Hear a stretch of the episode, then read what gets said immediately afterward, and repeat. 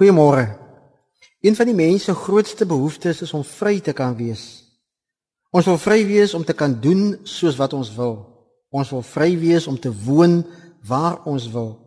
Ons wil die vryheid hê om lief te wees vir wie ons wil, om te trou met wie ons wil. Ons wil ook vry wees om ons godsdienste te beoefen soos ons wil. Ons grondwet waarborg immers ook vir mense hierdie vryheid. Ek wil vry wees om te kan doen wat ek wil. En ons soeke na vryheid is dikwels vir onsself. Die apostel Paulus gee egter vir ons 'n ander siening van vryheid in 1 Korintiërs 10 vers 24 as hy sê 'n mens moenie sy eie voordeel soek nie, maar die van 'n ander. Dit verander die prentjie so bietjie. Paulus het hom op 'n stadium in die stad Korinte bevind. Dit was destyds een van die groot handelssentrums van die antieke wêreld. 'n plek waar handelaars en reisigers van heinde en ver bymekaar gekom het. Dis het die mense van Korinte finansiëel voordeel getrek uit die koms van hierdie handelaars en reisigers. Saam met dit het daar 'n gees van onafhanklikheid en van vryheid ontstaan. Hierdie onafhanklikheid en vryheid het daartoe gelei dat mense al hoe meer losbandiger en sedeloos geword het. Op die hoogste heuwel in Korinte het die tempel van Afrodites, die godin van liefde gestaan. Dit het hom geleen tot allerlei sedeloosheid en losbandigheid.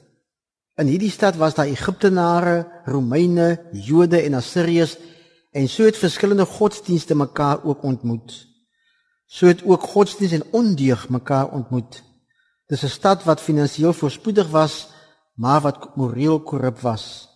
Mense het hulle vryheid misbruik.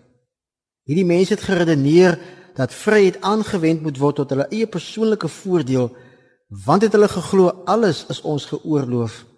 Paulus sê nee. Wanneer ons iets doen met ons vryheid, moet ons dit doen met 'n agneming van ons naaste se heil. Christelike vryheid is nie individualisties nie, maar dit kom tot uitdrukking in wederwysige diens aan mekaar. Christelike vryheid is dis nie bandeloosheid nie, nie ongebondenheid nie, maar dis gebind aan ons naaste. Wanneer my vryheid tot aanstoot van my naaste is, voldoen dit nie aan die wet van die liefde nie. Paulus wys alle selfsugtige soeke na eie gewin af. Ek moet die voordeel en welstand van my naaste soek. Moenie jou eie voordeel soek nie, maar soek die voordeel van 'n ander. Die Griekse woord wat hier vertaal word met soek, kan self sterker vertaal word met 'n woord wat aan ons almal bekend is, naamlik eis. Ek eis nie die voordeel van myself op nie, maar ek eis die voordeel vir die ander. Ek begeer die voordeel van die ander.